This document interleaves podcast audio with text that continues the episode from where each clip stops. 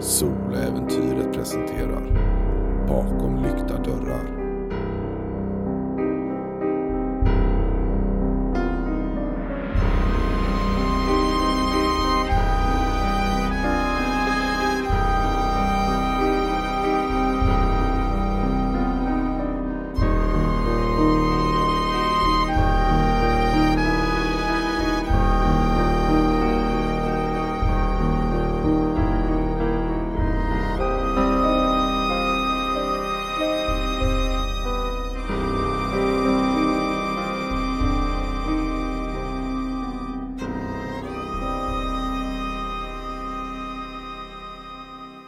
Säsong 5 Avsnitt 25 Treacherous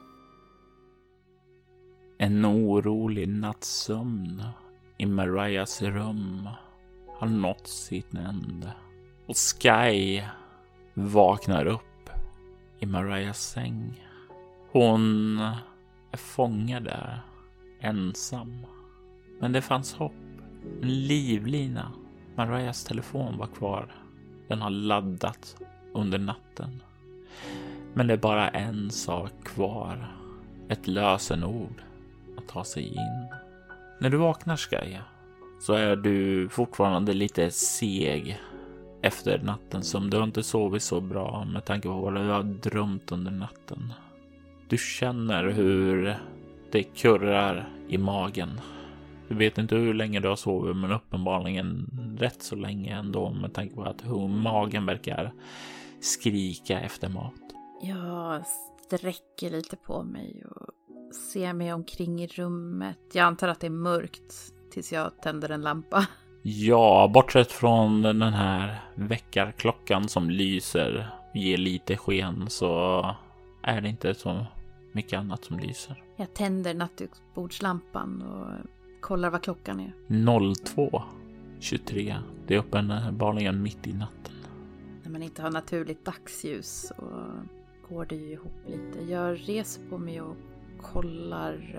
Kameran är fortfarande trasig visst. Ja, Jag slappnar liksom av lite grann när jag inser. Jag var lite orolig för att de skulle komma in här medan jag sov. Men eh, då har de ju alltså inte gjort det. Jag går till den garderoben som är som en, eh, ett litet kök och hittar mig någonting att äta. Ja, det finns ju inte så mycket frukostbröd eller sådant och inte heller någon yoghurt, utan det är väl snarare någon sån här frystorkade nudlar eller något Mm, eller sådant. typ en burk kall ravioli eller någonting. Och jag öppnar den och tar en gaffel och burken och sen så går jag till den här telefonen som ligger på laddning. Jag vill minnas att jag gömde den någonstans. Telefonen ligger precis där du la den och du kan se att den är fulladdad. Okej, det är bra. Jag kopplar loss den från laddaren och stoppar den i fickan. Sen börjar jag leta runt skrivbordet efter någonting som skulle kunna ge mig någon typ av ledtråd för den där pinkoden. Eh, jag vill att du slår ett ehm, ego obemärkt här för att hitta någonting som kan vara en ledtråd. Jag skulle säga att det är ett lätt slag. Nio. Du kan hitta en lapp där det står BBC i lika med 223 frågetecken pappa. Eh, och sedan så under pappa så står det sedan skåp frågetecken. Det verkar vara klottrad på en liten sån här notepad som finns där.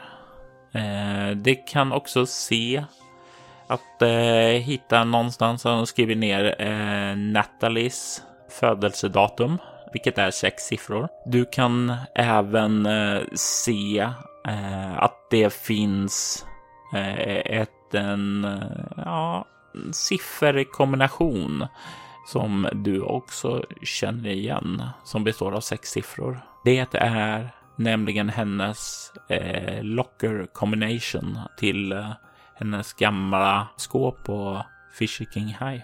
Det är det du hittar med nio. Pinkoden, är den fyra eller sex siffror? Sex. Jag eh, testar hennes locker combination. Och du eh, tar fram den, börjar. Du hade inte använt någon. Nej, inte än. Du tar och för in siffrorna för hennes skåp. Och du kan se fel. Mm. Två försök kvar. Jag tittar igen på, på de här anteckningarna. BBC, var det det det stod? BBC lika med 223. Ja, du kan höra utanför dörren ett gnisslande ljud av att en dörr öppnas Låter det som att det är en dörr typ mitt emot eller typ bredvid? mitt emot. Jag ställer ifrån mig raviolin och smyger fram till dörren och försöker se någonting genom nyckelhålet. Du kan se en man kliva in i rummet från gången.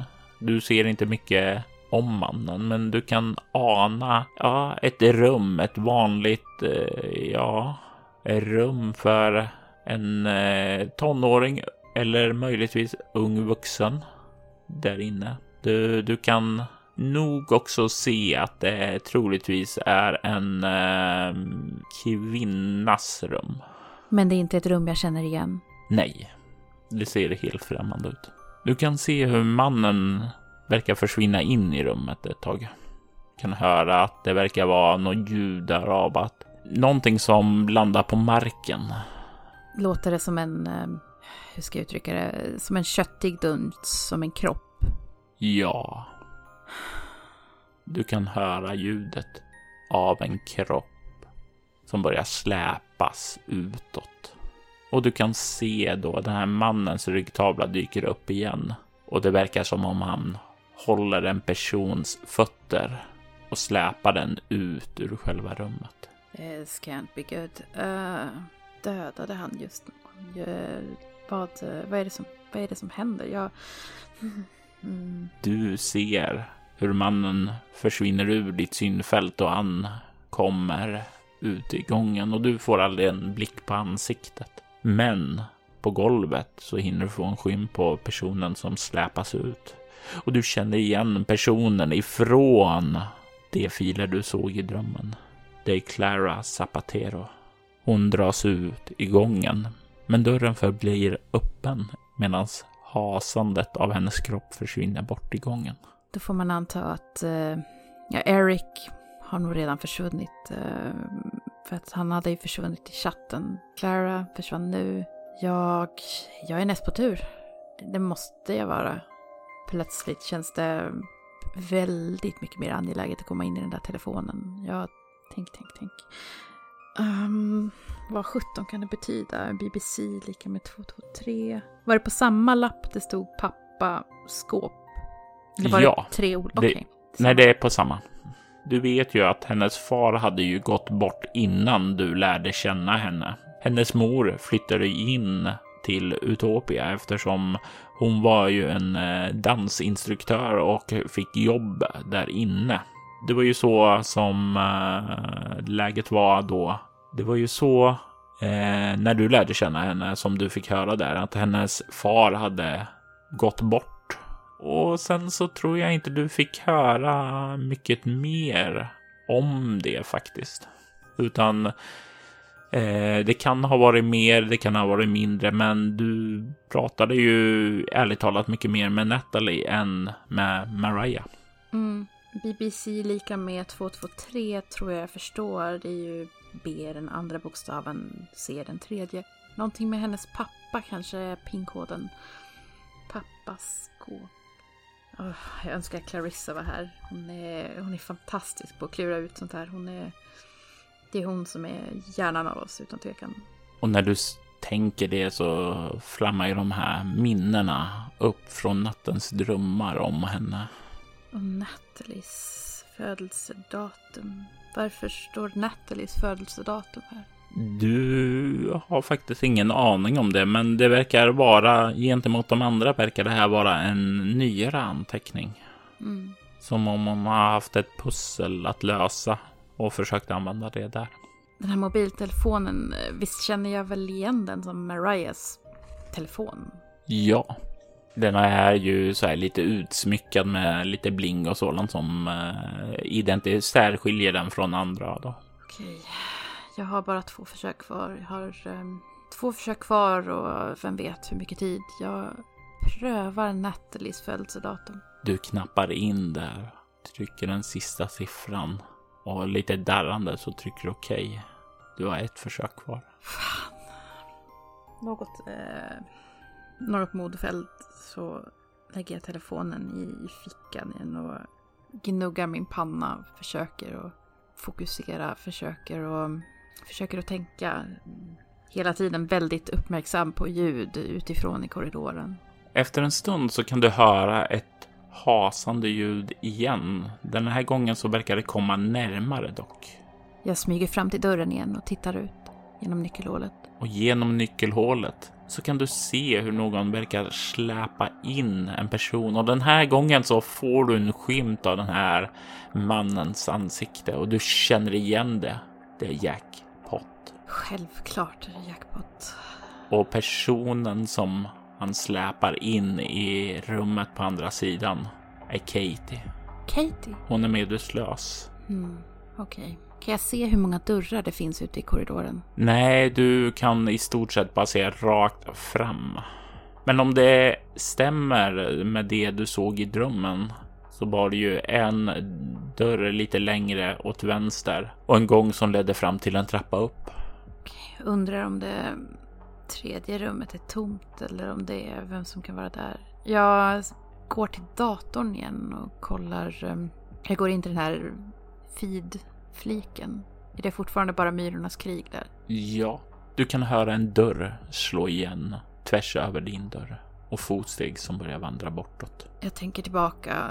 Jag fick ju en känsla av att de på något vis ville ha mig kanske levande. Annars hade jag väl varit död redan nu. Om de kommer in efter mig. Det är kanske är bäst att jag inte har den här mobiltelefonen på mig trots allt. Jag tar telefonen ur min bakficka och lägger tillbaka den där under kudden där jag hittade den till att börja med. Noggrant eh, försäkrar mig om att den är på ljudlös. Ja, det är noterat.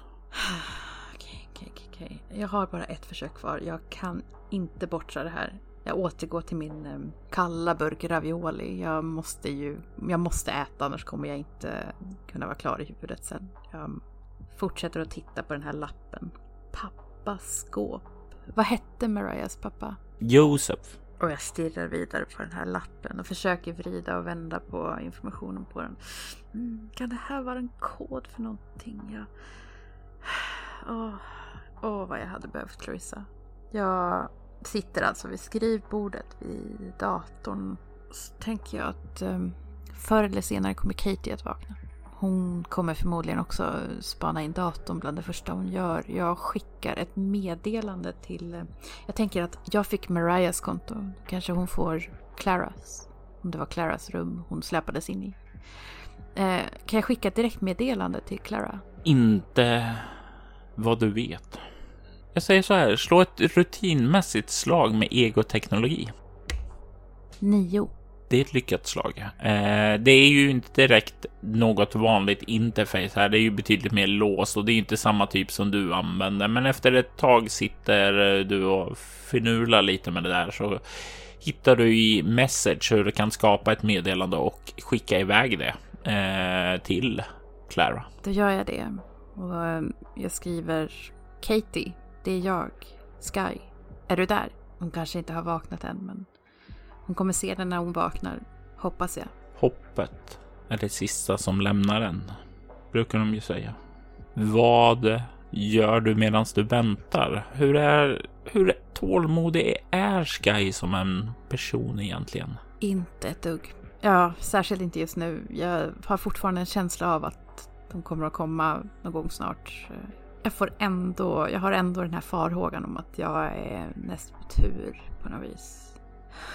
Ja, jag försöker fortfarande att förstå hur den här informationen på den här lappen, om det på något vis kan hjälpa mig. Men jag... I grubblandets tid så vill jag att du slår ett lätt slag med kropp och obemärkt för att lägga märke till att eh, mobiltelefonen... Åtta.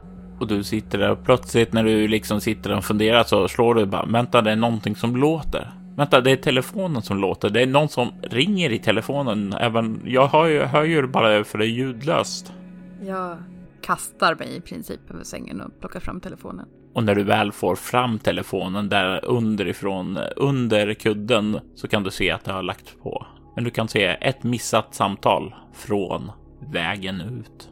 Vägen ut. Det verkar vara så kontakten heter. Vägen ut. Kan jag ringa upp på nytt? Absolut, du behöver bara låsa upp telefonen först. ja, så var det så det var. Men hur kunde de ens ringa? Ja, hur kunde de ens ringa?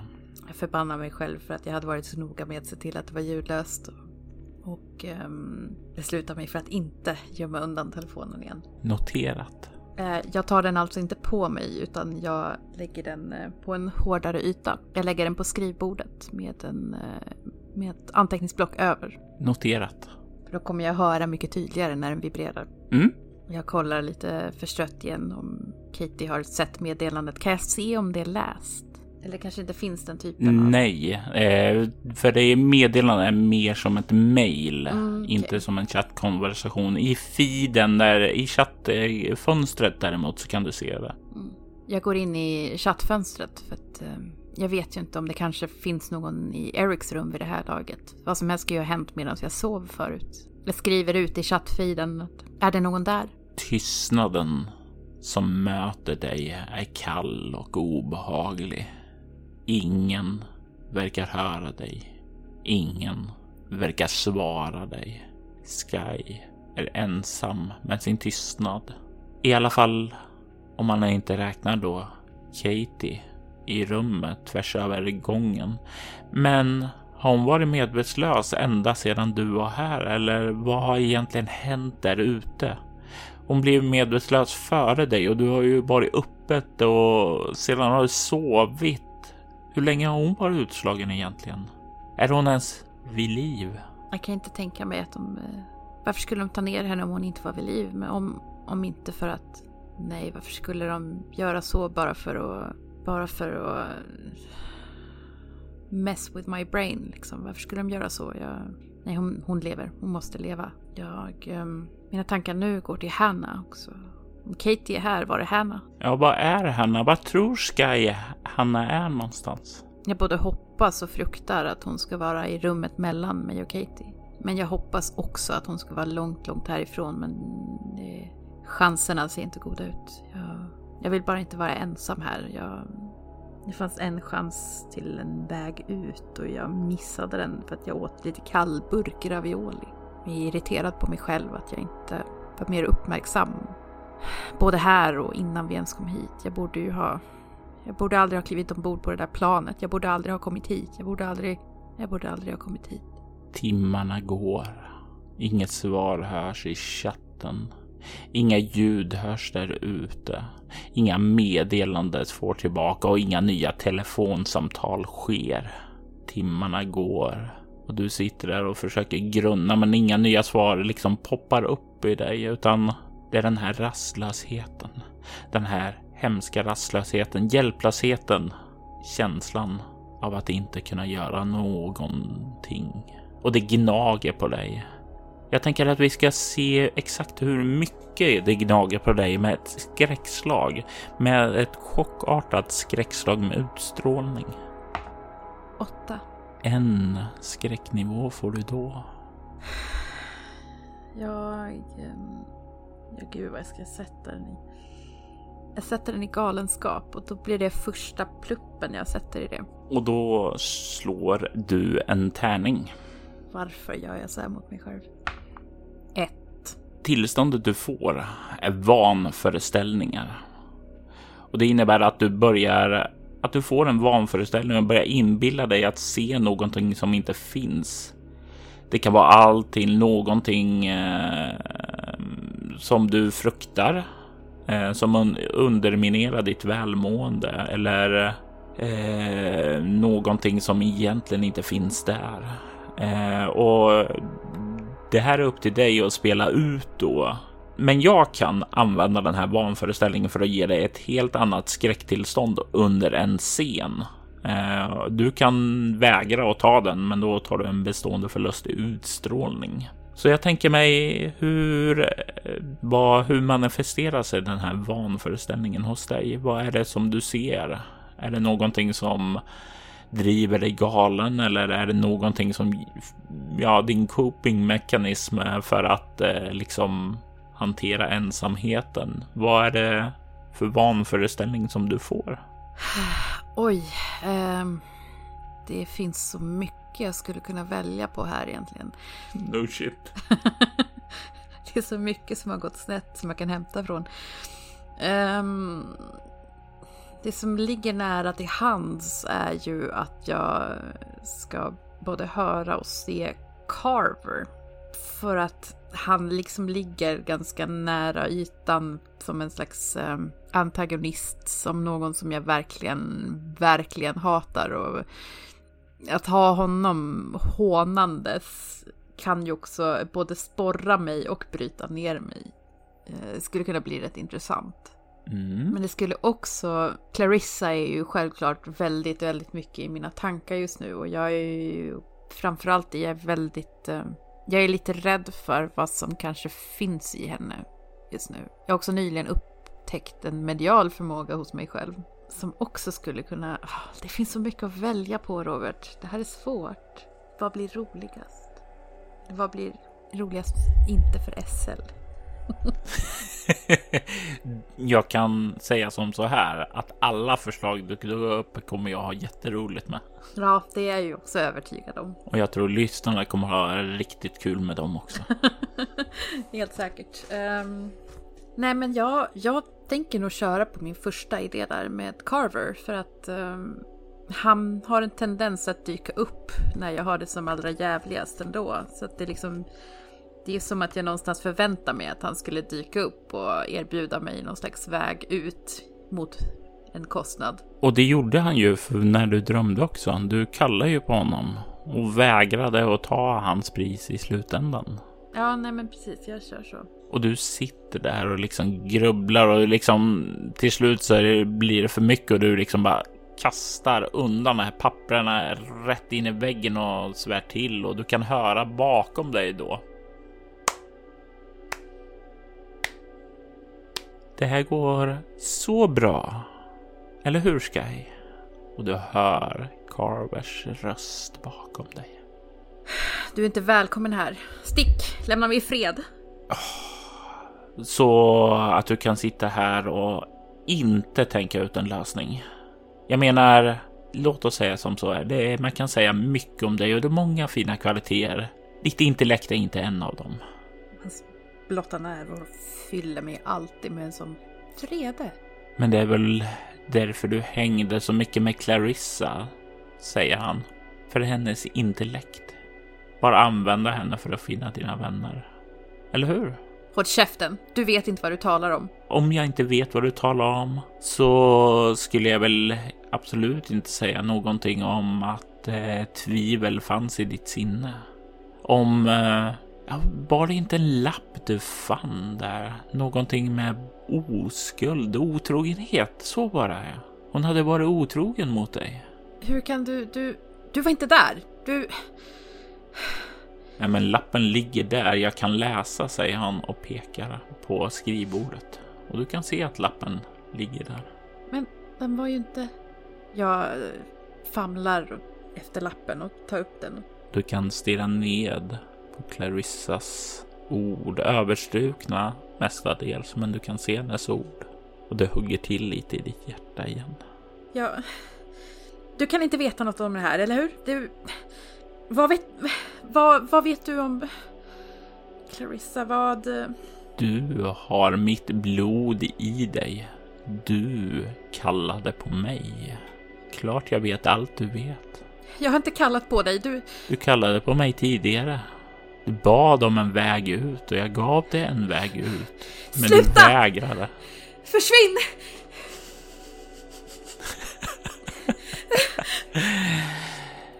Lämna mig i fred. Jag går och sätter mig här nu och läser din... och läser Marias dagbok istället. Jag sätter mig på golvet och liksom drar upp knäna mot, mot bröstet och gråter ner mot mina knän. Försöker att samla mig. Lämna mig i fred. Försvinn. Har Sky någon favoritlåt?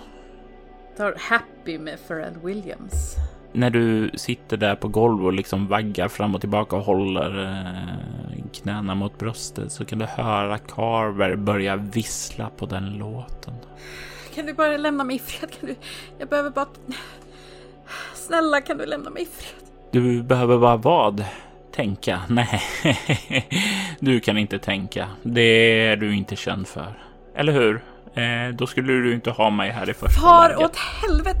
Stick härifrån, snäll! Du Jag kan inte inte ens lista ut ett litet lösenord. Hur ska du kunna överleva stora stygga världen utan min hjälp? Snälla, snälla, snälla, snälla. Han är inte här, han är inte här. Han måste... Du kan höra han reser sig och du kan höra fotsteg börja komma närmare dig.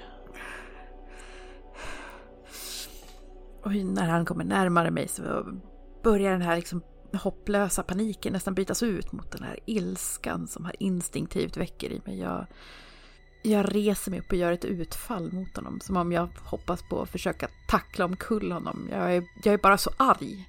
Slå ett kropp närstrid. Eh, du kan få använda roller derby drottning.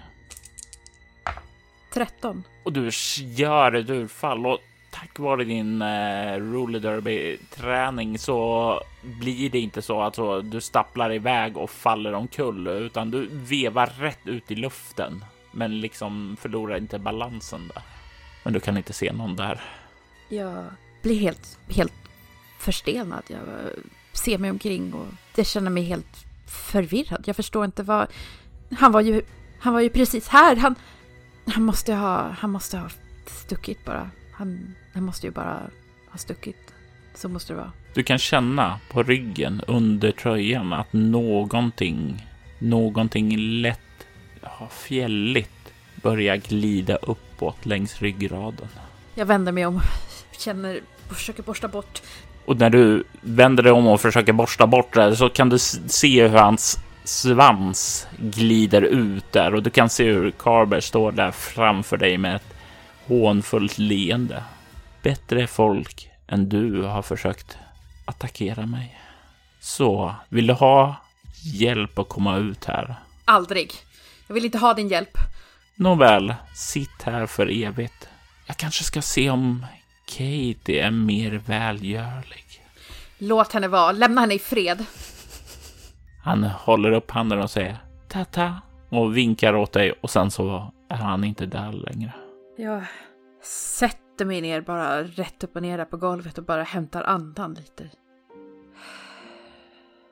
Jag hatar honom.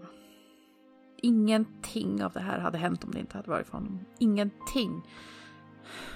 Och det är ju faktiskt sant. Allt det här är ditt fel. Hade du inte blivit besatt så hade inte de andra försökt exorcera dig. Och hade inte de exor- försökt exorcera dig, då hade inte de blivit kidnappade. Då hade ni alla varit kvar i Utopia. Ni hade gått tillsammans på Fisher King High School. Ni hade haft en trevligt sista år. Allt det här hände för att dina vänner försökte rädda dig och din själ. Det var ju, det var ju Carvers fel. Det var ju han som... Jag hade ju inte... Om det inte hade varit för Carver hade jag ju inte varit... Då hade de inte behövt... Då hade de inte behövt hj- hjälpa mig. Jag... Kanske är det mitt fel allting. Nej, det är Carver. Allting är Carvers fel. Den jäveln. Du inser nu att, att ett vibrerande ljud har pågått ett tag. Helvete! Jag kastar mig över skrivbordet och telefonen. Jag försöker och jag svarar. Och när du gör det så hör du en röst på andra sidan som säger Så jag utgår från att du valde att stanna kvar och inte ta dig ur, Mariah. Mariah är inte här. Eh, Vem, vem är det jag pratar med? Nej, det är sannerligen inte Mariah jag talar med. Men eh, det är hennes telefon i alla fall. Säg mig, vem talar jag med? Jag vet att du frågar först. Men eh, jag gissar på att du behöver min hjälp mer än vad jag behöver din. Mitt, eh, mitt namn är Sky och Ah, Miss Summers. Jag förstår. du känner till mig? Jag vet exakt vem du är. Och ja, du har hjälpt oss att få ett problem Under kontroll. Det tackar vi för. Hur kan jag hjälpa dig? Jag, jag vill, jag måste komma ut härifrån. Jag, jag, jag måste hitta mina vänner. Jag kan hjälpa dig med det, men eh, låt oss tala lite mer ostört. Eh, jag kan ta dig till en plats där vi kan prata. Om du inte har någonting emot det, det vill säga. Nej, jag... Jag måste härifrån. Jag... Jag snälla. Okej, då vill jag att du lyssnar på vad jag har att säga. Jag, jag, jag, jag lyssnar. Gå bort till sängen. Lägg dig ner. När du väl ligger avslappnad och till rätta, lyssna på min röst. Du kommer att somna då. När du somnar så kommer du att vara hos mig. Okej, jag gör som rösten säger och går och lägger mig i sängen och lägger mig liksom till rätta. Och jag, okej, jag, jag ligger ner nu. Okej, lyssna på min röst.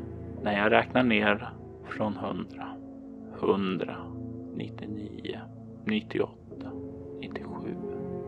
Och han fortsätter räkna och du känner hur dina ögon blir allt tyngre och tyngre. Låter du hans röst vagga dig in i sömnen? Ja, och du glider in i sömnen.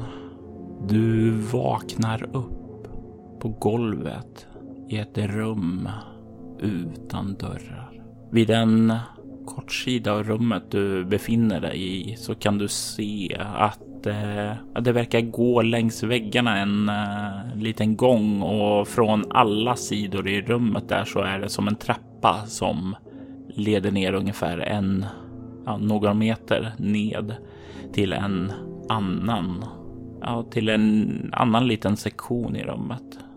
Och där kan du se att det står brinnande kandelabrar som lyser upp allting. De här väggarna på långsidan. På ena sidan så kan du se en tavla som föreställer en man som du har sett på festen. Luciens far. Och på den andra så kan du se en bild på en kvinna som du mötte och pratade med i biblioteket. Giselle Fischer. Längst bort på andra sidan rummet så kan du se en tavla med en man med ett ganska hotfullt, skrämmande ansikte. Du kan se att det är en man kanske i 50 års åldern, lite så här, oh, ja, lite så här bad boy, eh, ovårdat skägg. Eh, kan se han är klädd i en fin kostym och du ser, känner igen honom såklart. Han var också på festen. Det är Everetts far, Aston Rains. Du kan inte se någon annan i rummet dock. det är ju inte bara Everetts far. Ja, men han vet ju inte sanningen om vem du är. Att du är hans dotter. Han vet ju att han hade en affär med din mor, men han visste aldrig om att du var hans barn. Det var en hemlighet som din mor höll undan från både dig och honom. Det var först efter du hade blivit exorcerad som du fick veta sanningen. Så nej, det är inte bara Everetts far. Men han vet inte om släktskapet till dig. Jag, eh, jag ser mig omkring och ser ingen här så jag, jag ropar. Hallå? Är det någon här? Slå ett kropp obemärkt. Ett lätt slag. Nio. Jag är här. Hör du Carbers röst bakom dig? Jag låtsas som om jag inte hör honom. Jag, om jag låtsas att han inte är här kanske han bara drar. Det är inte... Jag vill inte att han ska vara här. Jag tar några steg in i rummet och ropar igen. Hallå? Och nu tycker du se tavlan där borta på Aston Rains. Det är som om målningen verkar röra på sig. Som om den vrider sitt huvud mot dig och kollar rätt på dig. Jag har ju varit i drömmar förut. Jag antar att det här är en sån. Jag försöker liksom och ehm, det här kan ju inte vara på riktigt så det måste ju vara en dröm. Jag, så är det. Så måste det vara. Jag eh, går mot tavlan. När du börjar gå där så undrar jag om du går eh, ned för trappan, ner till eh, det här utrymmet där med de tända kandelabrarna eller om du går här uppe förbi åt ena hållet där längs den här lilla upphöjningen då förbi någon av de här andra två tavlorna. Jag går nog ner. Och när du liksom börjar komma halvvägs ner för trappen så ser du hur Aston i tavlan liksom höjer sina armar och liksom sträcker ut dem så att de tar tag utanför själva tavlan i ramen. Jag fortsätter framåt. Jag är ju här för att tala med honom förmodar jag. Du kan se hur han liksom drar ut sig själv ur tavlan. Det här är en dröm så jag, det måste ju vara en dröm. Så hur skulle jag annars ha kommit hit ens en gång? Så jag... Du fortsätter framåt och börjar kliva upp och lagom när du kommer upp så ser du hur han har tagit steget ut där och står och liksom borstar av sin kostym. Ah, Miss Summer, så trevligt att ni kunde komma. Jag, jag hade inget, eh, jag, jag, jag, jag bara mumlar och känner mig lite, lite förlägen. Jag, eh, var, var det dig jag pratade med eller? Det var mig du talade med.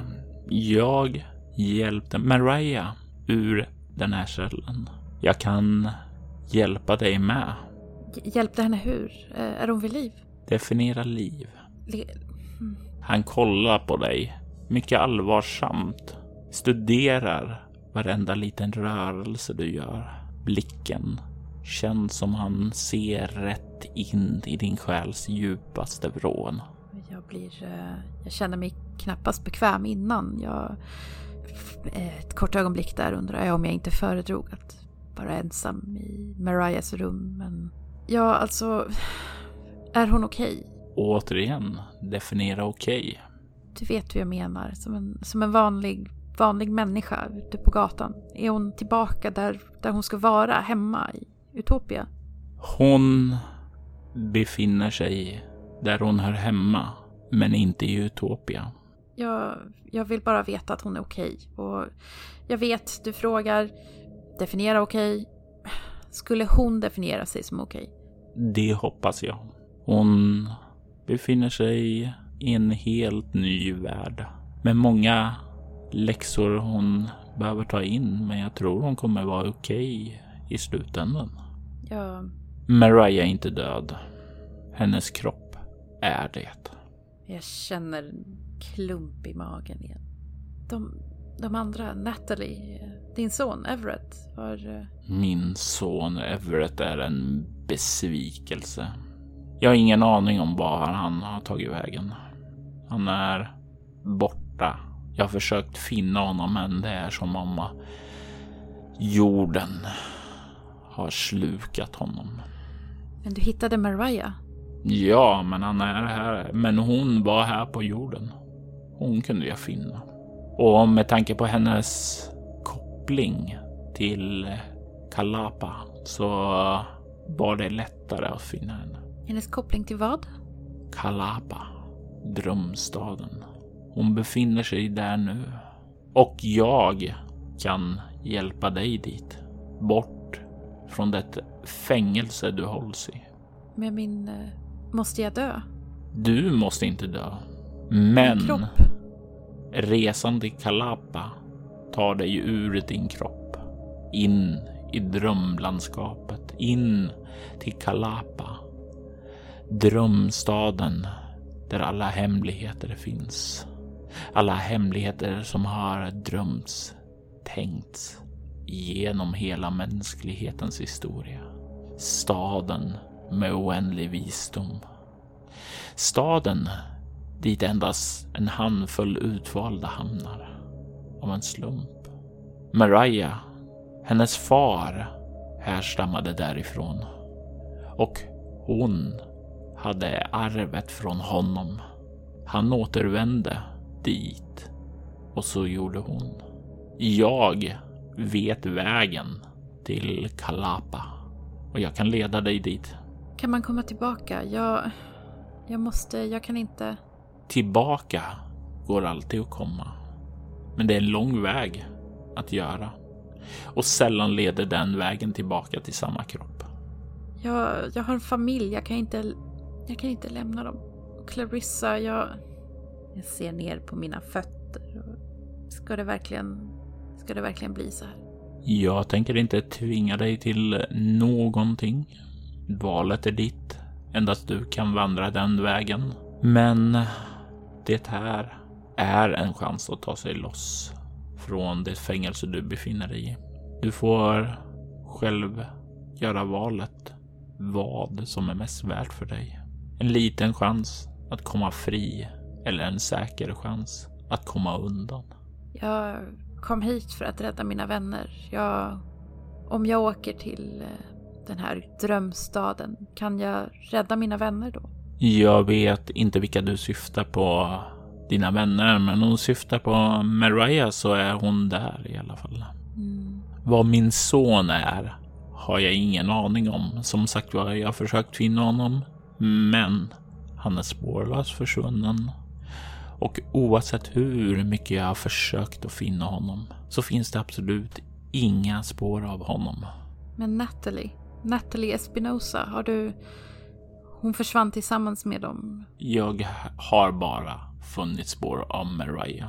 Jag gissar att Natalie är på samma plats som Everett. Jag måste försöka hitta dem. Och Hanna.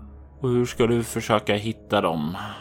Du som fortfarande inte är torr bakom öronen. Du som har eh, för all del blommande telekinetiska krafter, men har du ens börjat utforska vad din mediala kunnande innebär? Jag eh, säger ingenting först. Jag tittar på honom. Jag, det är hans blod jag har i mina ådror. Han är så kraftfull. Vad har jag då kapacitet för? Nej, jag är väl kanske inte torr bakom öronen än, men jag måste, jag måste försöka att hitta dem. Jag måste tillbaka till min familj. Jag kan inte lämna dem bara så här. Jag, det finns en chans. Det finns... Hoppet är det sista som lämnar en. Och i ditt fall så verkar det sant. Nåväl, jag lämnar dig åt ditt val.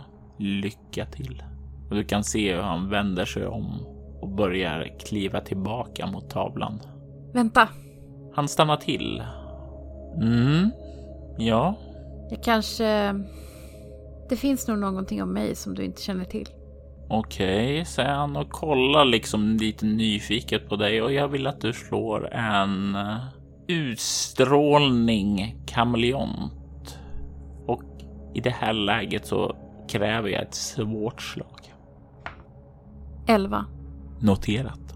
Jag... Eh, jag har ditt blod i mina ådror. Ursäkta mig?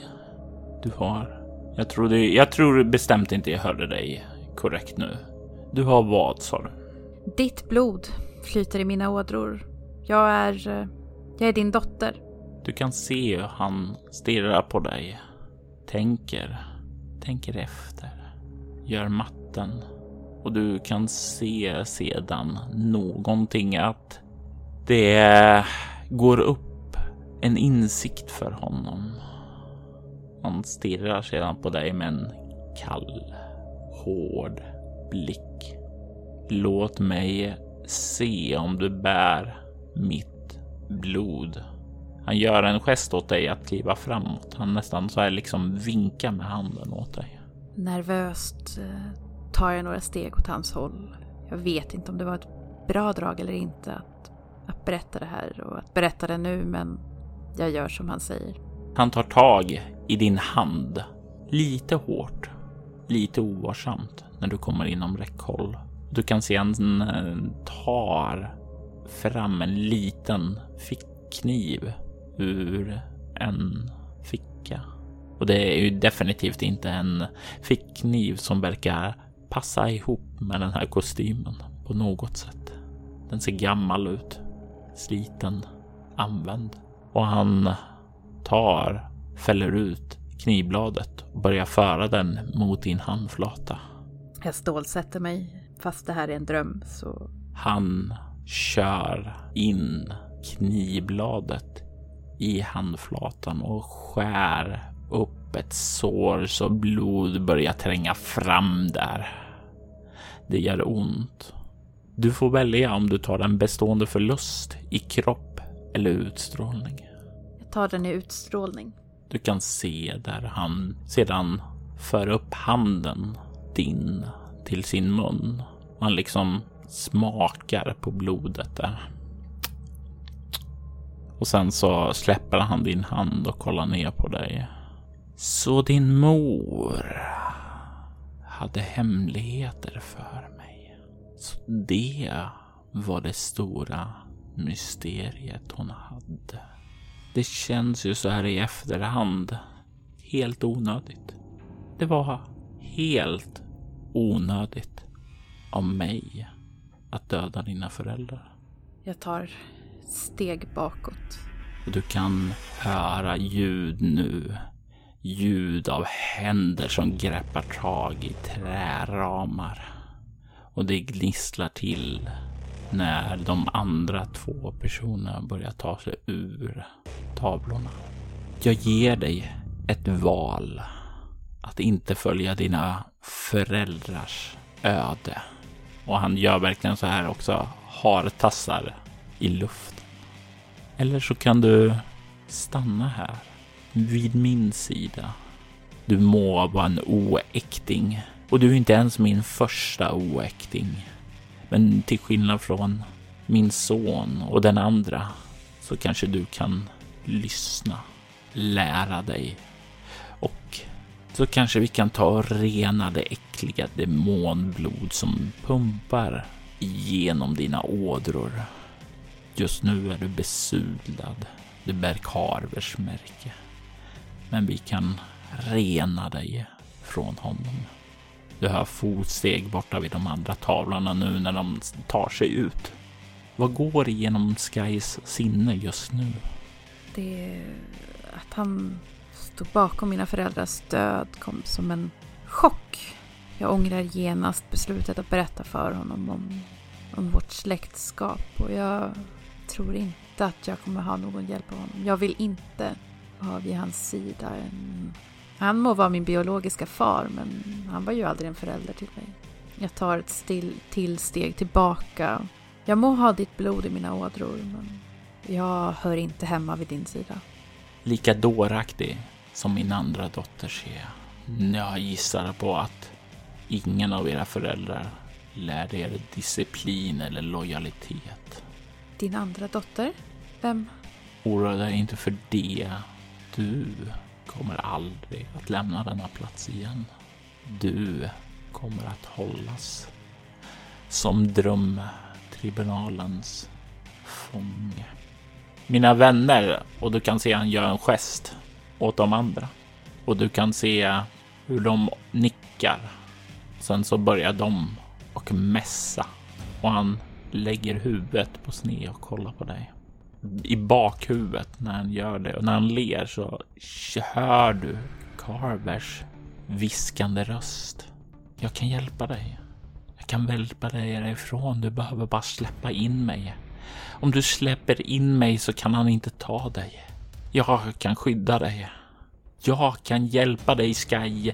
Låt mig hjälpa dig. Du är mitt barn. Mot bättre vetande så låter jag Carver hjälpa mig. Ja.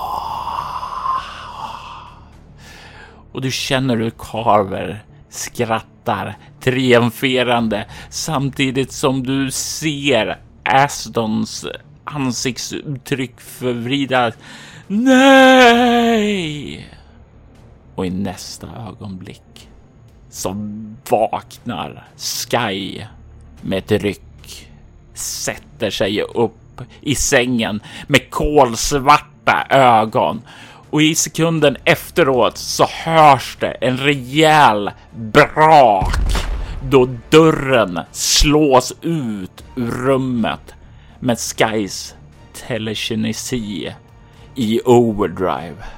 Hon har accepterat Carver i sitt liv. Han är åter en del av henne nu och kraften, hans kraft pumpar igenom hennes ådror.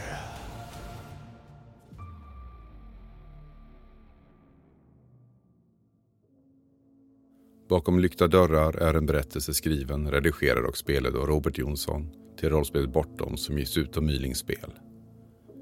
Detta avsnitt klipptes av Kvarnberg Productions, ett företag som bistår dig med allt från att hjälpa dig att starta upp en podd till att klippa och producera den.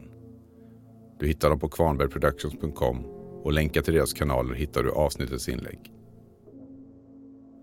I detta avsnitt hör vi Sanna Vallapurus som Sky Summers. Temamusiken till Bakom lyckta dörrar hette Singular Perversion och gjordes av Kevin MacLeod. Övrig musik gjordes av Brandon Fischer, Kiosh, Lesa Listvy samt en kollaboration av Atrium Carceri och City Slavs Broadcast. Övrig musik i detta avsnitt är hämtad från V-Log Songs. Atrium Carceri, City Slavs Broadcast, Keosh och Lesa Listvy är band som tillhör bolaget Cryo Chamber. Vill du ha stämningsfull ambient musik till dina spelmöten rekommenderas de varmt. Länkar till deras och övriga artisters kanaler hittar du i avsnittets inlägg. Soläventyret Natural play podcast där vi spelar rollspelen Bortom och Leviathan. Ni kan komma i kontakt med oss via mail på info.bortom.nu. Det går även bra att följa oss på Instagram och Twitter som @spelabortom, på Facebook samt på bortom.nu.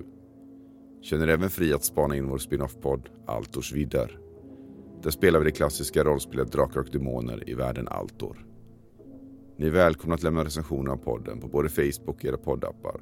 Det uppskattas djupt av oss och kan leda till extra belöningar för er. Vill du stödja Roberts fortsatta kreativa skapande kan du göra det på patreon.com Robert Jonsson. De som backar får tillgång till material i form av extra poddar och statusuppdateringar. Vi vill ta tillfället i akt att tacka Martin Stackelberg, Mia Gibson, Ty Nilsson, Daniel Pettersson för det stöd som de givit. Mitt namn är Jörgen Niemi. Tack för att ni har lyssnat.